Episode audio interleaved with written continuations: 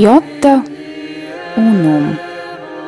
Viena jota.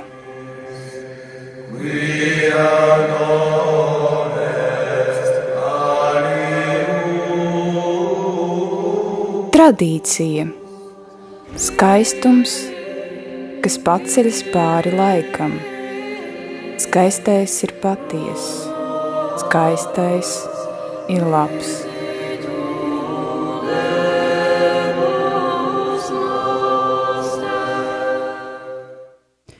Sveicināti, dārgie radio Marija klausītāji! Mani sauc Marija Podniece. Pie skaņu pults ir mana māsa Ilze. Ar jums kopā ir raidījums Jota Unum.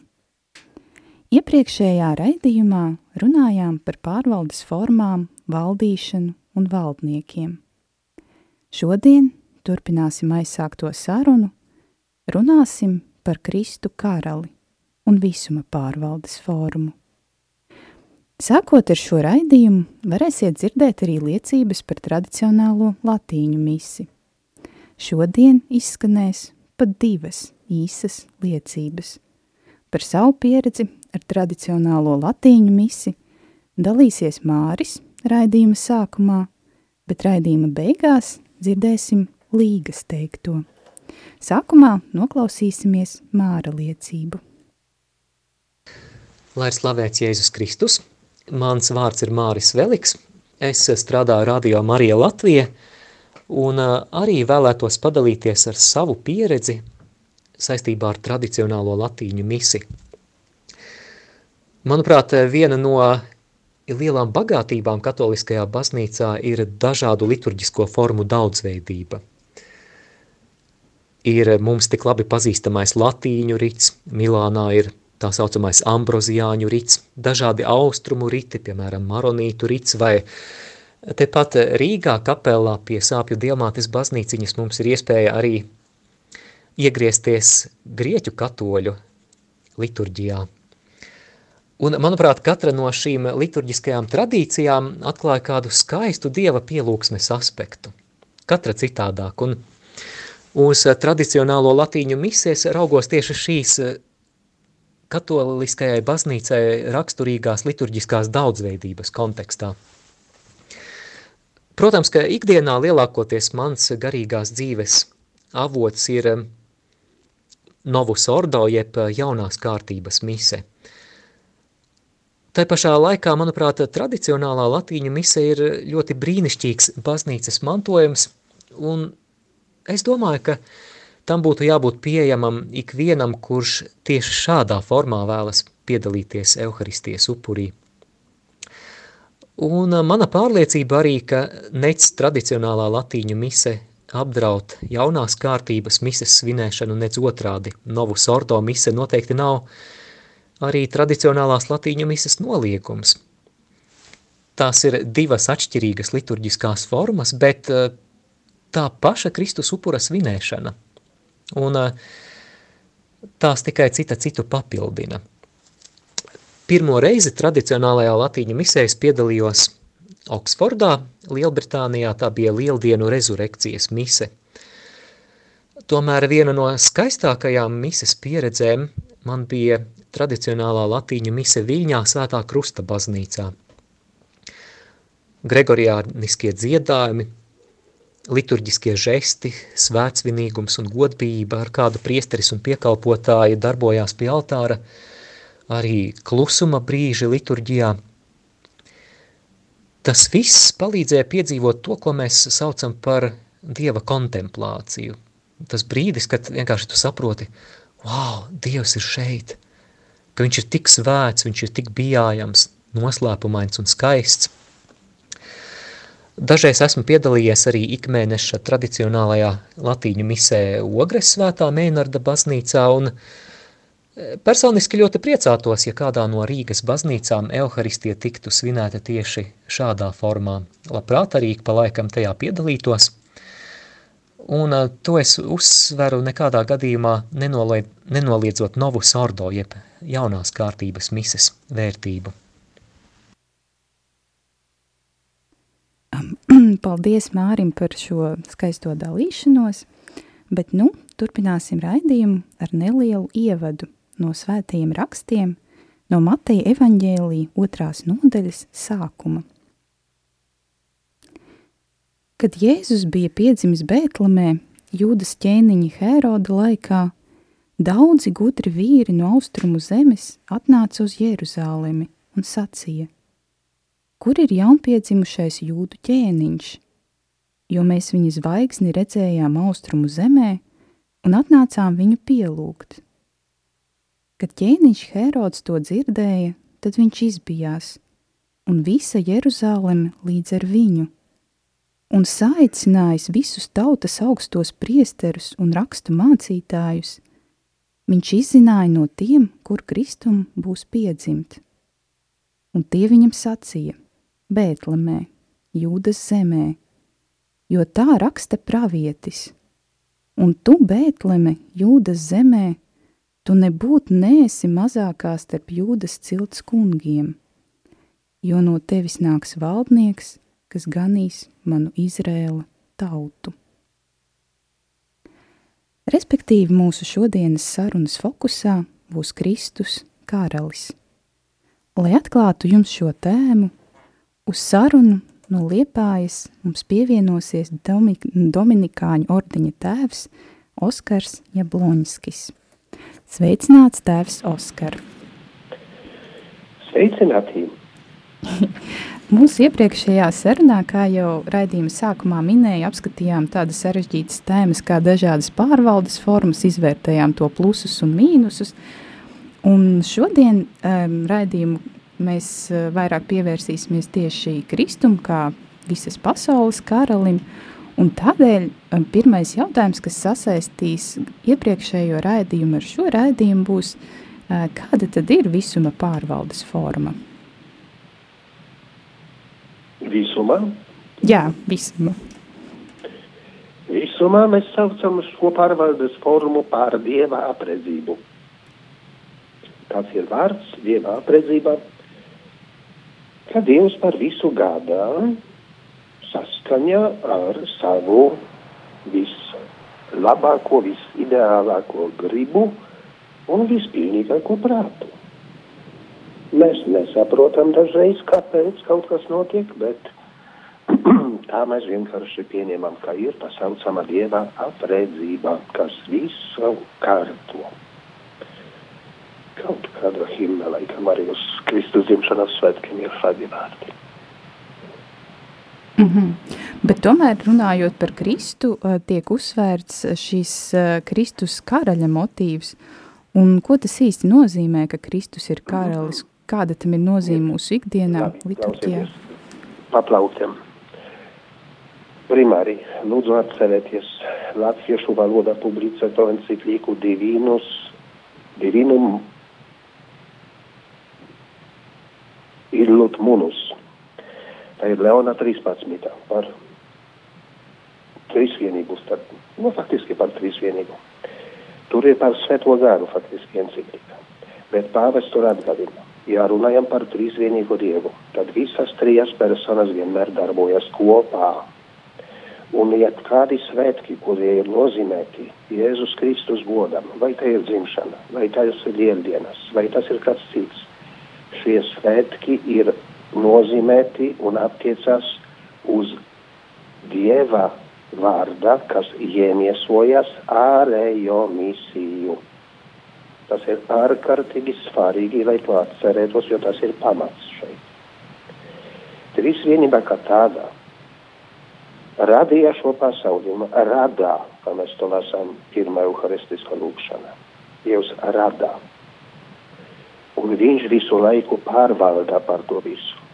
Valda, pārvalda ir faktiski nepareiz vārds. Valda vienkārši par visu, jo pārvaldnieks ir gubernators.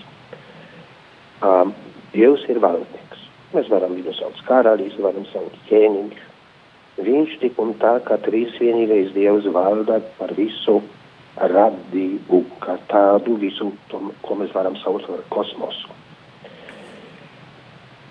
Kāpēc runājam par Jēzu Kristu kā karali?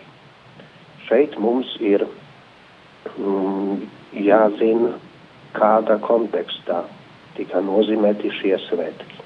Kurā gadā? Kas to izdarīja? Kādā vēsturiskā kontekstā? Šie svētki, kas atgādinu, runa tikai par Kristus, iemiesota Dieva vārdā, kuru saucam Jēzus Kristus, ārējo misiju. Tas nozīmē tādu, kas ir vērsta uz cilvēkiem. Var latviski pret, bet pret ir negatīvi. Uz cilvēkiem. Gads, kurā tika šie svētki nozīmēti, ir 1925. gads. Pāvests Pīs 11. Viņš šos svētkos pasludināja speciāla encyklika, kuru sauc Kvas Primas. Tā bija viņa otrā encyklika. Pirmo encikliku, ko viņš uzrakstīja, bija Ubi Arcano. Tas nozīmē tur, kur ir kārtība. Un šajā pirmā enciklika, Ubi Arcano, viņš aprakstā ļoti sliktu situāciju visā pasaulē. Tajā kvas prīmas arī par to atgādināja. Es varbūt kādus tur fragmentiņus bišķiņu atgādināšu.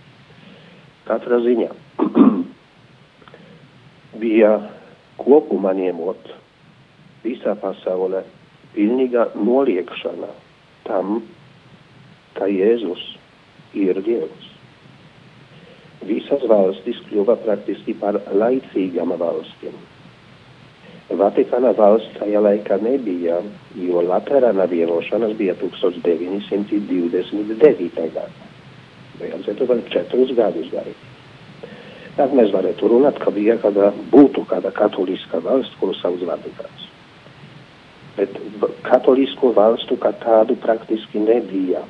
Nu, vienīgā varbūt, varbūt Beļģija varētu nosaukt. Nu, vismaz karalis bija katolis. Katrā ziņā konteksts ir ļoti svarīgs. Šeit ir jāatceras, ka ir komunismā ļoti lieli uzbrukumi. Runa šeit ir ne tikai par Krieviju, bet jāatceras tas saucamo Kristiāda Meksikā. Tur bija katoliskā, ne, ne pat karaliste, bet tur ķeizars bija. Meksika tajā laikā bija ļoti liela un spēcīga katoliskā valsts, bet sākas katoļu baznīcas vajāšanas, priesterus nogalināja, ticīgos nogalināja. Vispār bija vispārējā novēršanās no Kristu kā Dievu, kas iemiesojas. Tas ir process saistīts ar daudziem tur citiem notikumiem. Pagājušā reizē es jums stāstīju, ka, e, lai runātu par valdnieku, vienalga, vai tas ir viens valdnieks, vai tas saucamie optimēs, kurus saucam aristokrāti, vai, vai um, policijā, kuru mēs varam saukt arī republikā, vienmēr pamats, lai būtu laba valdīšana, pamats ir tas, ka vajag, vajag būt ētikai. Bet 16. gadsimts Nikola Machiavelli uzrakstīja tādu darbu princis, un šajā viņš formulēja tēzi, kuru mēs pazīstam kā politika. Visi līdzekļi ir atļauti, lai varētu sasniegt mērķi. Tas nozīmē, ētikas vairs nav. Nav principu. Un pēc tam viss aizgāja tādā veidā, kā rietumu civilizācijā tā saucama. Saka formulēt uh, idejas par to, ka, nu, ja dieva nav, etikas nav, nu, tas nozīmē arī dieva nav. Nav, dieva, nav normas, kuras dievs nosaka. Un saka veidot, piemēram, Hobbes, tas bija filozofs, saka veidot frāzes, ka cilvēks cilvēkam vilks. Nu, ja, ja esam vilki un gribam viens otru nogalināt, tad vajag sarunāties, vajag kontraktu, sabiedrisko kontraktu. Pilnīgi citādāk saka veidot ideju par karali Ne tā kā no dieva ir dota šī vāra, bet no tautas ir dota vāra. Mēs parakstam kontraktu, atļaujam karalim valdīt, bet viņam ir tādi un tādi pienākumi. Pēc tam vispār tā Anglijas karalis kļuva par tīru fasādi un tā tālāk. No simboliski. Bet šeit ir jāatceras šis konteksts.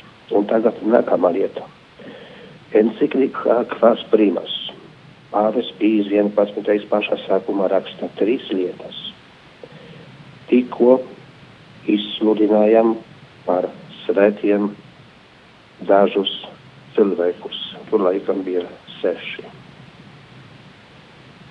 Uh, jā, seši. Tā saucamie apliecina kā un jaunavas. Viņš vēlāk šos cilvēkus sauc par Kristus karotājiem, Kristus cikstoņiem. Otra lieta Tajā gadā, 25. 1925. bija izstāde veltītā misijām, ko baznīca veids. Ļoti daudz cilvēku apmeklēja. Un trešā lieta, kuru atgādina pāvis, 1925. gads, tā ir 1600 gadu pēc Nikājas koncila, kur tika formulēts, ka Jēzus ir tādas pašas dabas kā tēvs.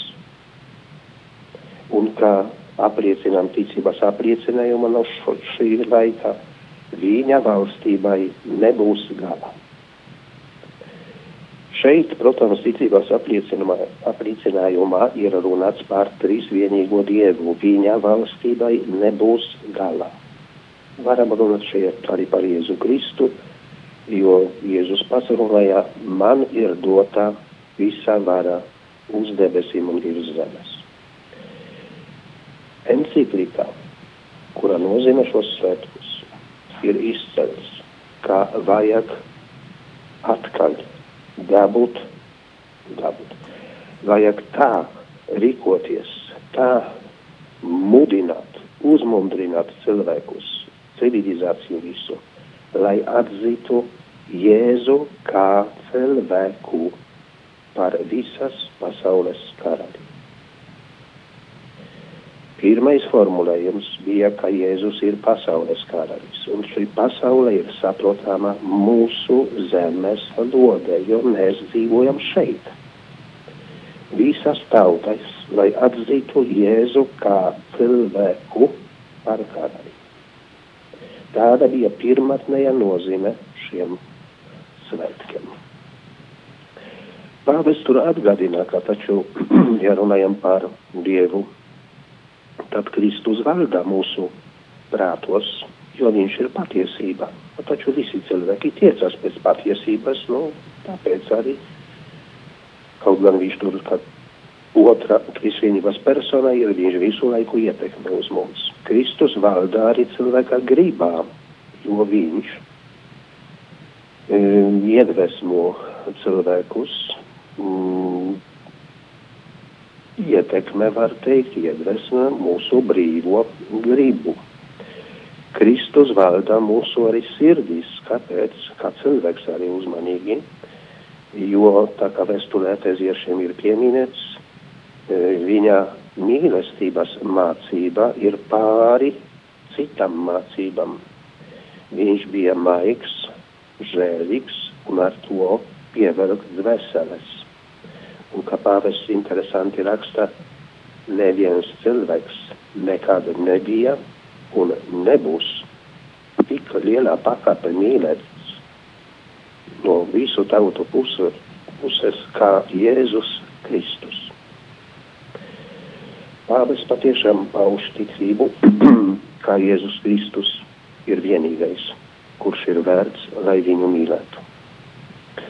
Pagājušo reizi runājām par to, kā ir labs karalis un nelabs tirans. Tirans nozīmē tāds, kas saistīts ar pārspēku, ar, nu, kopumā, teiksim, pārspēku, piespiešanu un tā tālāk. Toms tā ir darba de regno.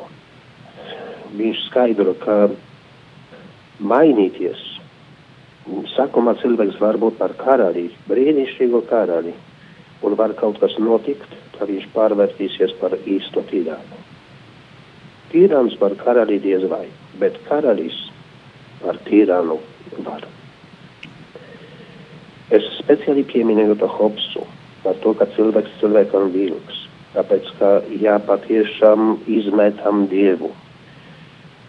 To, to ticības patiesību, kurai mēs ticam, kā trīsvienības otrā persona iemiesojas tieši Jēzu Kristu, tad nav iespējams vispār cilvēkiem kaut ko stāstīt par to, ka Jēzus ir pasaules karalis. Nu jā, tieši tā.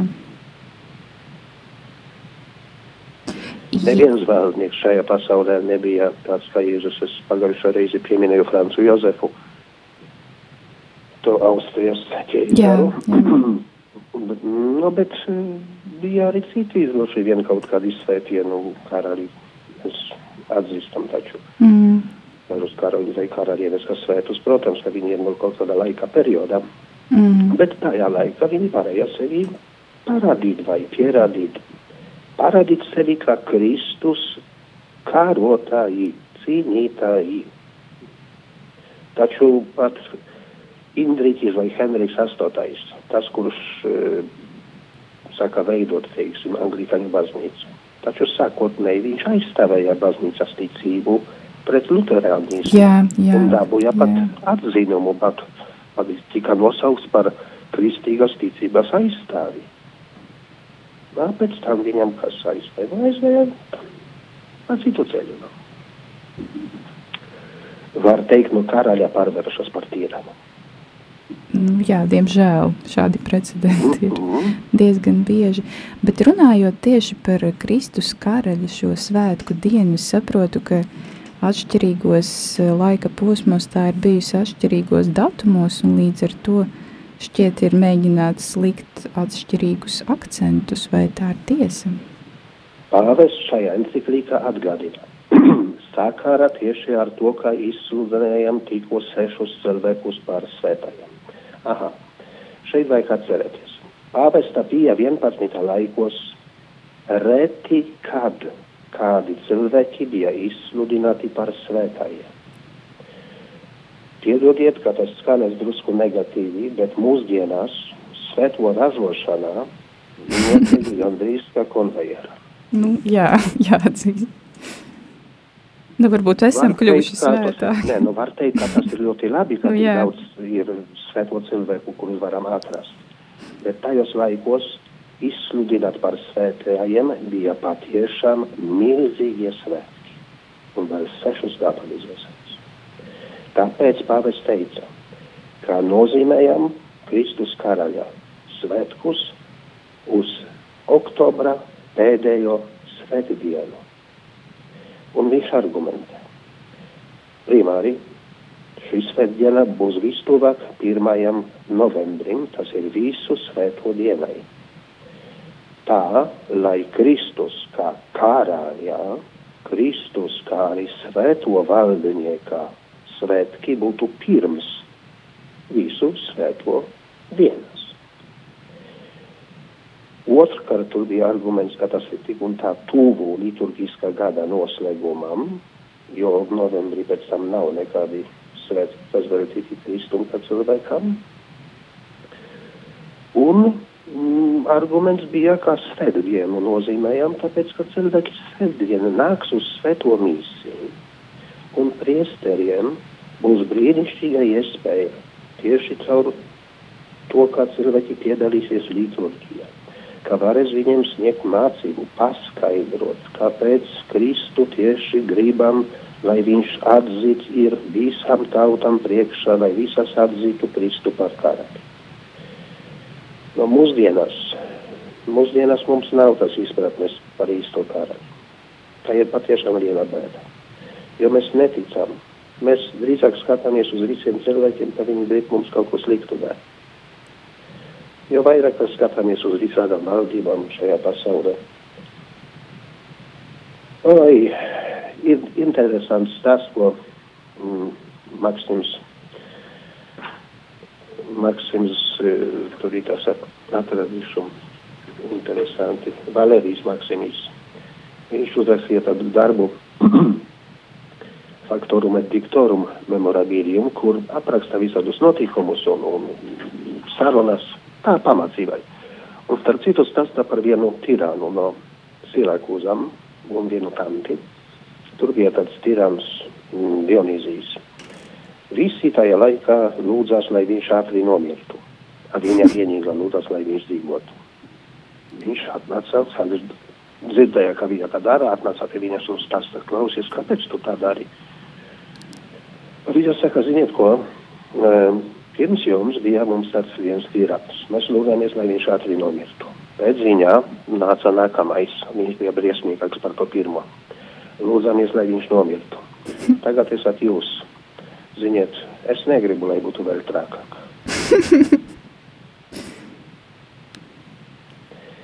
Tāpēc nu, mums ir tāda izpratne, kāda ir par valdībām visādām. Mēs lūdzamies, Pāvils mums aicināja lūgties par tiem, kas ir pie varas, lai varētu dzīvot miera un saticība. Pāvests šajā enciklikā izteica to cerību, ka pateicoties piedalīšanai liturģijā, īpaši šajās, nu, visās, protams, svētdienas, bet šajā svētdienā par to kontekstu runāts ir par Kristu kā karali, viņš tur pat piemin šo frazi, ka tādā veidā lūkšanas veids vai lūkšanas kārtība kļūst par ticības kārtību. Atceries, lex orandi, lex credendi. Jā. Tā ir tieši šī frāze. Kā lūdzies, tā arī ticēsi. Un cilvēkiem bija šie svētki nozīmēti, bet pēc tam mainījās mums sistēmā, pēc Vatikāna otrā koncila bija reforma, un tos svētkus pārcēlā uz liturgiskā gada pēdējo svētdienu. Tas nozīmē izrāva viņu no saknēm. Tie, kas to izdarīja, droši vien domāja, ka dara labas lietas. Kāpēc to izdarīja? Tāpēc, ka saka runāt par to, ka tā ir tā cilvēka dažreiz nevajadzīga domāšana. E, saka, ka zināt, ir visādas teorijas. Mēs ticam, ka Dievs pasauli radīja. Bet ir arī teorija, tikai teorija, kā šī pasaule izveidojas. Tā saucama evolūcijas teorija. Jā. Tie, kuriem mēģināja savienot abas tās koncepcijas, mēģināja runāt, ka visa pasaule attīstās, Dievs to radīja, bet pasaule visu laiku attīstās. Diemžēl saka parādīties idejas, ka attīstās arī Kristus. Klai. Un e, galu galā, saka runāts, tas ir konkrēti viens iezuītu tevs Teilāra de Šardeva, kura mācības tika noraidītas pirms Vatikāna otrā koncila. Viņš saka runāt par tā saucamo Kristus omega. Tas nozīmē Kristus pasaules laika beigas. Kristus laika beigas. Bet tas nozīmē, ka Kristus visu laiku veidojas. Mm. Kas katoļiem ir herēze. Kristus nemainās. Kristus nepilnveidojas, jo viņš ir Dievs. Bet argumentējot šādā veidā, saka runāt par, par to, ka tagad, tagad mums ir šis nosaukums, ka Kristus ir viss pasaules karalis. Ne pasaules, tikai viss pasaules karalis, visā kosmosā. Un, protams, var pateikt, ka tā ir patiesība. Jā, protams. Tikai ne kā cilvēks. Kā cilvēks runā ir šeit par šo zemi. Šajā zemē Kristus, lai tiek atzīts par karali, lai visas tautas atzītu viņu kā karali. Jo viņš ir Dievs un cilvēks. Tas, ko viņš mācīja, ir patiesība. Tas, ko viņš darīja, ir īsts labums. Kā rūp deva mums patiesības vārdus un deva mums piemēru, kā dzīvot, kā rīkoties. Un, no, un tagad mums šiem svētkiem ir drusku citā teiksim izpratne, tāpēc skaidroju par to encikliku klas primas, jo vajag zināt, Jā, kā jā. sākotnēji tas bija, kāpēc. Tas nebija tāpat vien, tikai konkrētos nolūkos. Mm. Jā, paldies par šo ļoti detalizēto skaidrojumu. Tiešām daudzas lietas un akcentus dzirdēju pirmo reizi. Bet šajā brīdī mazliet pārtrauksim mūsu sarunu uz eh, muzikālo pauzi, bet pēc tam atgriezīsimies un parunāsim par Kristu un laicīgo varu, par kristieti un, kristieti un pilsoni, vai tur ir pretruna vai nav, un, jā, un citām svarīgām lietām. Palieciet kopā ar mums! Christus vincit,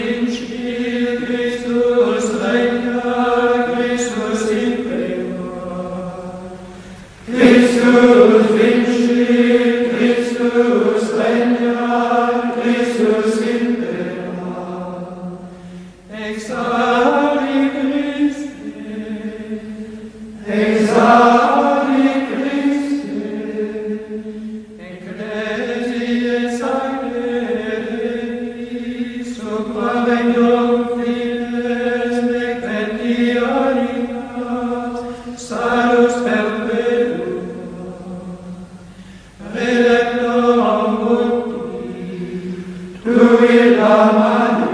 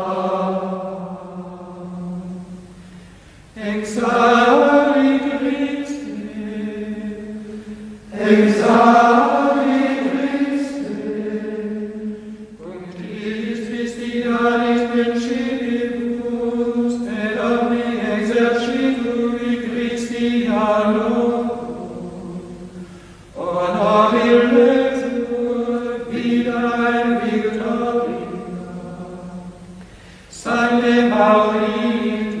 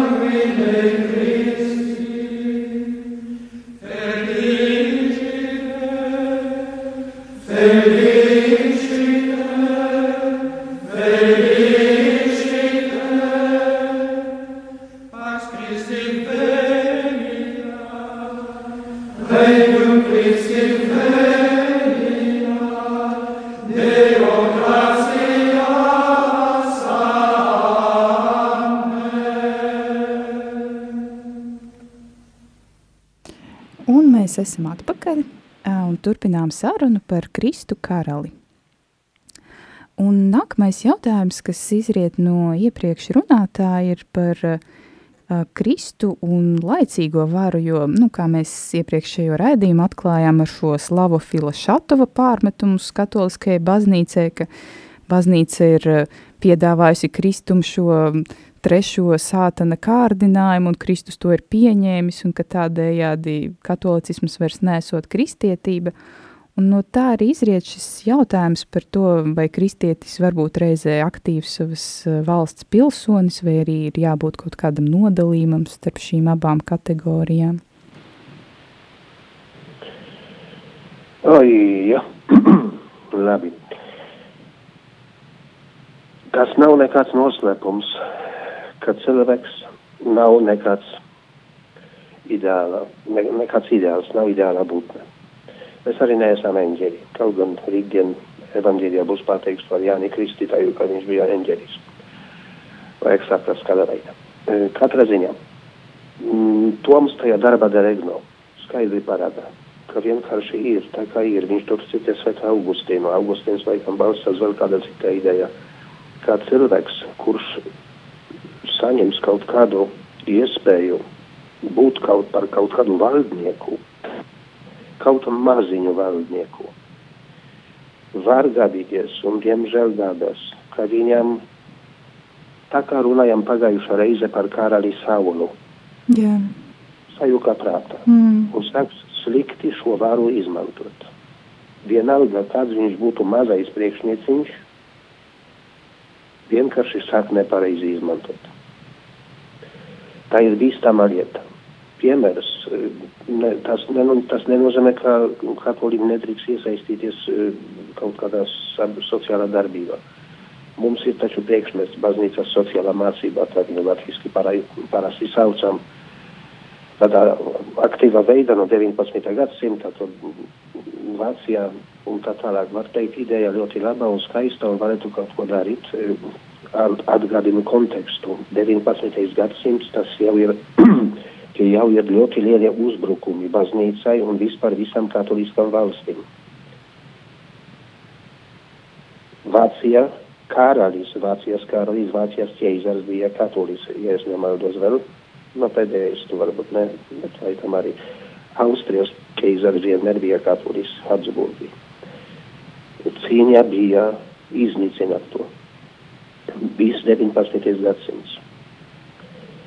Un eh, kad eh, runājam, kad runājam par to, vai iesaistīties vai neiesaistīties, Vācijā, piemērs tāds, Vācijā bija izveidotas dažādas partijas, starp citu CDU. Nezinu, vai zināt šādu nosaukumu. Nē, lūdzu atšifrējiet. C, C ir no vārda kristlīša, kristiešu. Mm -hmm. No tas CDU mūsdienās cilvēki saka, ka palika tikai U. Nav nekādu kristiešu tur vairs.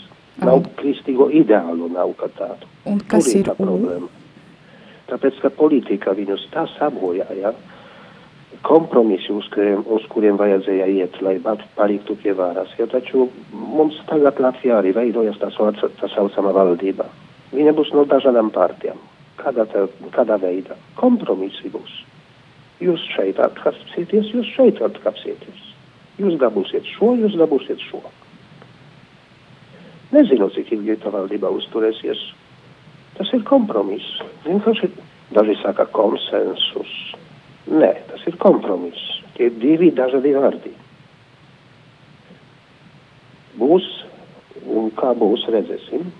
Katrā ziņā tas, ko teicu par to Svētu Augustinu, ka viņš to piemēru deva mazu, ka var, var sabojāt cilvēku, to ir arī cits teiciens, ka vara padara cilvēku par nebrīvu. Absolūta vara par absolūti nebrīvu. Tā ir negatīva skatīšana. Bet mēs kā katoļi cenšamies skatīties pozitīvi uz šo visu. Mēs dzīvojam, esam aicināti dzīvot ticībā, kurā tiek veidota caur mīlestību, kādreiz varbūt pieminēju tādu formulējumu fides formātā, karitāte. Ticība, kuru veido mīlestība. Karitāte tā aktīvā, aktīvā tādā nozīmē, ka vērstā uz Dievu ar visādiem darbiem. Ticību veido mīlestība. Otra lieta mums jāatcerās, ka mēs esam aicināti skatīties uz Kristu, mēs kā katoļi, kā tādu, kurš deva mums cerību uz mūžīgo dzīvi. Pāvests šajā dokumentā atgādina par to, ka Kristum pienākas pagodināšana no cilvēkiem, no eņģeļiem, ne tikai kā dievam, bet gan eņģeļi, gan cilvēki vajag, lai ir paklausīgi Kristus varai kā cilvēkā, tāpēc, ka viņš ir tieši tajā hipostatiskā unijā dievišķība un cilvēciskums un tādā veidā valda par šo pasauli. Kristus valda par mums ne tikai pēc dabas likuma, bet arī tāpēc, ka viņš ieguva savu šis, šis tiesības caur pestīšanas darbu. Un tagad tālāk ir stāstīts, Kristus ir dots visiem cilvēkiem kā atpircējs, viņš ir tas, kurš nosaka likumus, mēs varam izlasīt, piemēram, Kalnas sprēdīti, viņš ir tas, kurš ir tiesnesis, jau šajā pasaulē var tiesāt, un viņš ir tas, kuram pieder tā trešā vara, izpilda vara, jo viņam visiem vajadzētu klausīties viņa pavēlēm, um, un tā neaizmūks no viņa, no viņa varas. Galu galā pāvis tur atgādina, ka tik un tā visi atbildēs pastarā tiesā. Visi atbildēs pastarā tiesā par to, ko dara. Jo mēs ticam, ka tāda būs. Kad ir runāts par to, ka šī valstība ir garīga, un tad, kad ir runa par to garīgo, tad ir runa par cilvēkiem arī. Vai Kristus valdīšanā ir tikai attiecībā uz katoļiem? Pāvis šeit atgādina Leona 13. dokumentu, enciklika Annum Sacrum, kur bija skaidrots. Kristus valdīšanā ir ne tikai par katoliskām tautām, ne tikai par tiem, kas ir mazgāti kristības sakramentā un reāli pieder pie baznīcas, kaut gan maldu mācības viņus aizveda uz bezceļiem vai nav viņus mīlestības. Šeit pirmais gadījums ir runa par protestantiem, otrā par palestīciem. Bet attiecas tā Kristus valdīšana attiecas arī uz visiem nekristiešiem, uz visu cilvēci, kas patiešām pieder pie Jēzus Kristus valstības. Un nav šeit nevienas atšķirības starp to, vai cilvēks ir viens par ģimenēm, valstīm, jo cilvēki dzīvo sabiedrībā un visi ir pakļauti Kristus varai. valsts ir vienkārši cilvēku kopā. Lekcijas jums stāstīja, stāstīju sacietas ordinātu. Pāvests arī atgādina, un Marija Klimas Toms tajā darīgo, par to, ka taču svētais pāvīrs mums saka, ka sievam jābūt pakļautam vīriem. Jā. Bet kāda nozīme? Jo, ja, kris, ja vīrs atcerēsies, ka viņš ir šīs ģimenes galva. Līdzīgi kā Kristus ir baznīcas galva, tad viņš par savu ģimeni rūpēsies.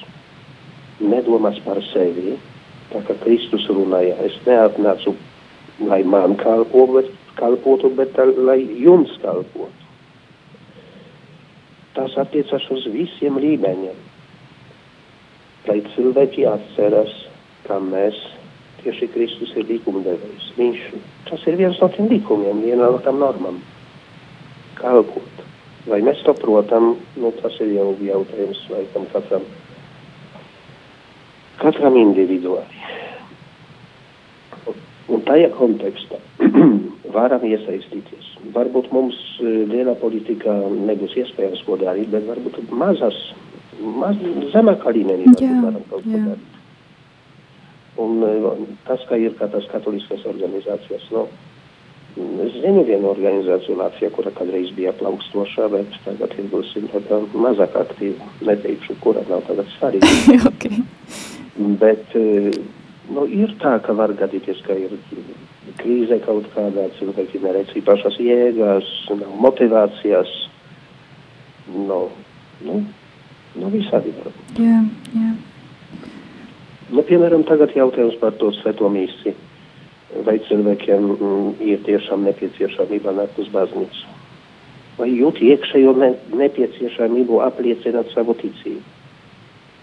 Daži varbūt jūt. Bet vai tas ir mums latviešiem vispārīgi? Nu, nedomāju. Nu, jā, baidos, ka, ka jūšanas aspekts varētu, tam nevajadzētu būt izšķirošajam, tīri tādam Jā, bet uh, baidos, ka mūsu raidījums tuvojas noslēgumam, un mēs uh, principā redzējām, um, kā priesteris Oskars mums um, parādīja, ka šī ģimene arī ir zināmā mērā kā šis uh, mikromodelis, kurš um, kaut kādā mērā arī parāda šo hierarhisko sistēmu, un, un arī Kristus kā karalis, un uh, ka Kristus karalis nav šis tirāns, ka viņš ir, ka viņš ir, ka viņš ir šis lieliskais un izcilais valdnieks. Mm, baidos, ka... Tā, bet, ziniet, vēl, vēl vienu lietu pateikt. Jā, noteikti. Pāvis šajā enciklikā arī atgādina, klausieties, tas ir 1925. gads. Un viņš skaidri saka, ka viņa laikos un jau Leona 13. laikos, 19. gadsimta, sāka noliegt nu, faktiski tas sakas ar protestantiem, saka noliegt, ka katolicisms ir īpaša reliģija. Saka piedīdzināt katolicismu citām konfesijām, pēc tam saka piedīdzināt citām reliģijām. Un jau tajā laikā runāja par to, ka vienalga kāda reliģija tev būs. Tas, kas mūsdienas ir atkal pacelts ar to abu dabību, vai vienalga, ko tur. Yeah. Tas jau bija Tas jau bija. Mm. Kristus vienkārši tiek izmests kā Dievs. Tāpēc tik daudz ir runāts par to, ka viņš ir tikai cilvēks, kas ir apgaismots. Jauno laiku arianisms visu laiku atdzīvo. Jā, jā, jā, ļoti precīzi, ļoti precīzi. Liels paldies jums, Tēvs Oskar, kā vienmēr jūs mūs barojāt ar šo intelektuālo barību. Paldies jums liels, es guvu tiešām ļoti daudz. Es ceru, ka klausītāji tāpat noteikti aicināsim jūs vēl uz kādu raidījumu, vēl par kādu aktuālu tēmu. Paldies jums liels! Mm -hmm. Um, diemžēl, kā ierasts, um, nevaru jūs aicināt uz tradicionālo latīņu misu ogrē, kā tas ir ierasts, Bet aicinu lūgties šajā nodomā, lai šī situācija pēc iespējas ātrāk atrisinātos un tradicionālā latīņu misa Latvijā atkal būtu ticīgajiem pieejama. Bet, nu, kā solīju rēdījuma sākumā, mums ir vēl viena liecība, tādēļ noklausīsimies līgu. Slavēts Jēzus Kristus! Padalīšos ar savu pieredzi un īsām pārdomām par tradicionālo latīņu misi – Mana pieredze ar šo misi no vienas puses ir salīdzinoši ilga, no otras netik ļoti. Es biju tajā pulciņā ogrē, kas parakstījās, lai sāktu notikt šīs mises. Ja nemaldos, tas bija 2007. vai 2008. gads. Un, ja atklāti, šobrīd neatceros, ka biju tajā ļoti ieinteresēta. Es vienkārši tiku uzrunāta un domāju, ka tas ir kaut kas labs un kāpēc ne. Atceros, ka mēs vairākas reizes tikāmies, izgājām cauri mises tekstam, mums katram izdalīja grāmatiņu ar zelta krāsas vākiem, un jā, kādu laiku piekdienās es apmeklēju šīs mises. Toreiz tās svinēja priesteris, to liek prāvests Konstantīns Bojārs. Jā, man šai, šīs mises deva mieru, bet es neteiktu, ka tās uh, es pienācīgi novērtēju, jo nebija tā īsti sapratusi tās būtību. Un otrs posms sākās tagad, apmēram nepilns divus gadus atpakaļ. Es jutos tā, ka, ka pasaule un savā ziņā pat baznīca ir kļūsi nenoteiktāka. bet atkal atgriešanās pie tradicionālās latīņu mises man tiešām bija kā atgriešanās kā pie kaut kā dziļa un stabila. Es tiešām piedzīvoju to, ka mise ir par Kristus upuri. Un jāatzīst, ka Novas Ordo misē, kur es apmeklēju gandrīz katru dienu, es to ar prātu atgādinu sev – Bet šajā misē, var teikt, mise pati mani maigi, bet noteikti ieved Kristus krusta pielūgsmē. Es vienkārši noklustu, aizmirstu sevi, pasauli un es esmu Dieva pielūgsmē. Šī mise palīdz arī būt pazemīgākai, palīdz uz grēku nožēlu un, un raisa pateicību par lielo upuri, kas atver mums durvis uz svētlaimi. Jā, šajā misē ir daudz lielāka priekšnojauta par debesīm. Patīk arī šīs mises, ja var tā teikt, atmosfēra. No vienas puses klusums, bet ir arī tie skaistie dziedājumi, un kas ir interesanti, tie neiztraucē šo kluso atmosfēru, bet tieši palīdz iegrimt pielūgsmē. Um, jā, un arī to noskaņu, uh, Un garīgus un pat praktiskus labumus dod arī latīņu valoda, jo tas ir vienojoši, ka jebkurā pasaules malā tradicionālajā latīņu misē izskan baznīcas universālā un svētā valoda. Starp citu, man uzrunāja arī vienā intervijā, intervija bija ar eksorcistu, intervijā, intervijā dzirdēja, ka eksorcists teica, ka sātans nemīl latīņu valodu. Man liekas, tas arī tā diezgan svarīgi. Un vēl zīmīgi arī tas, ka šajā misē priestera seja vērsta uz tabernākulu, uz krucefiksu. No vienas puses kopība, mēs visi esam pie krusta pakājas vienā virzienā. No otras puses liela priestera loma.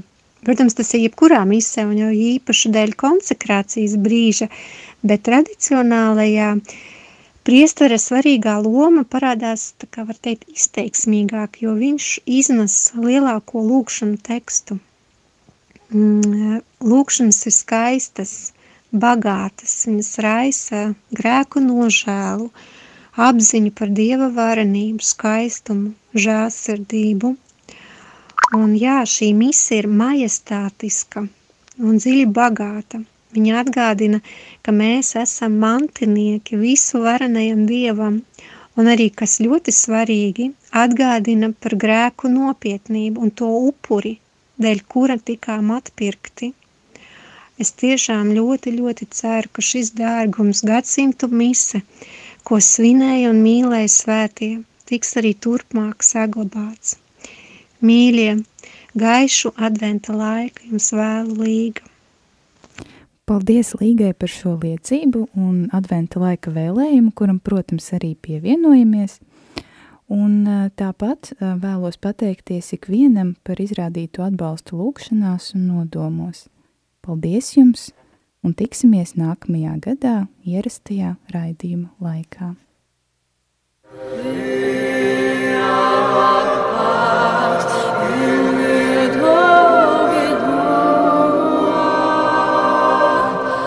Raidījums Jota Unum ir izskanējis.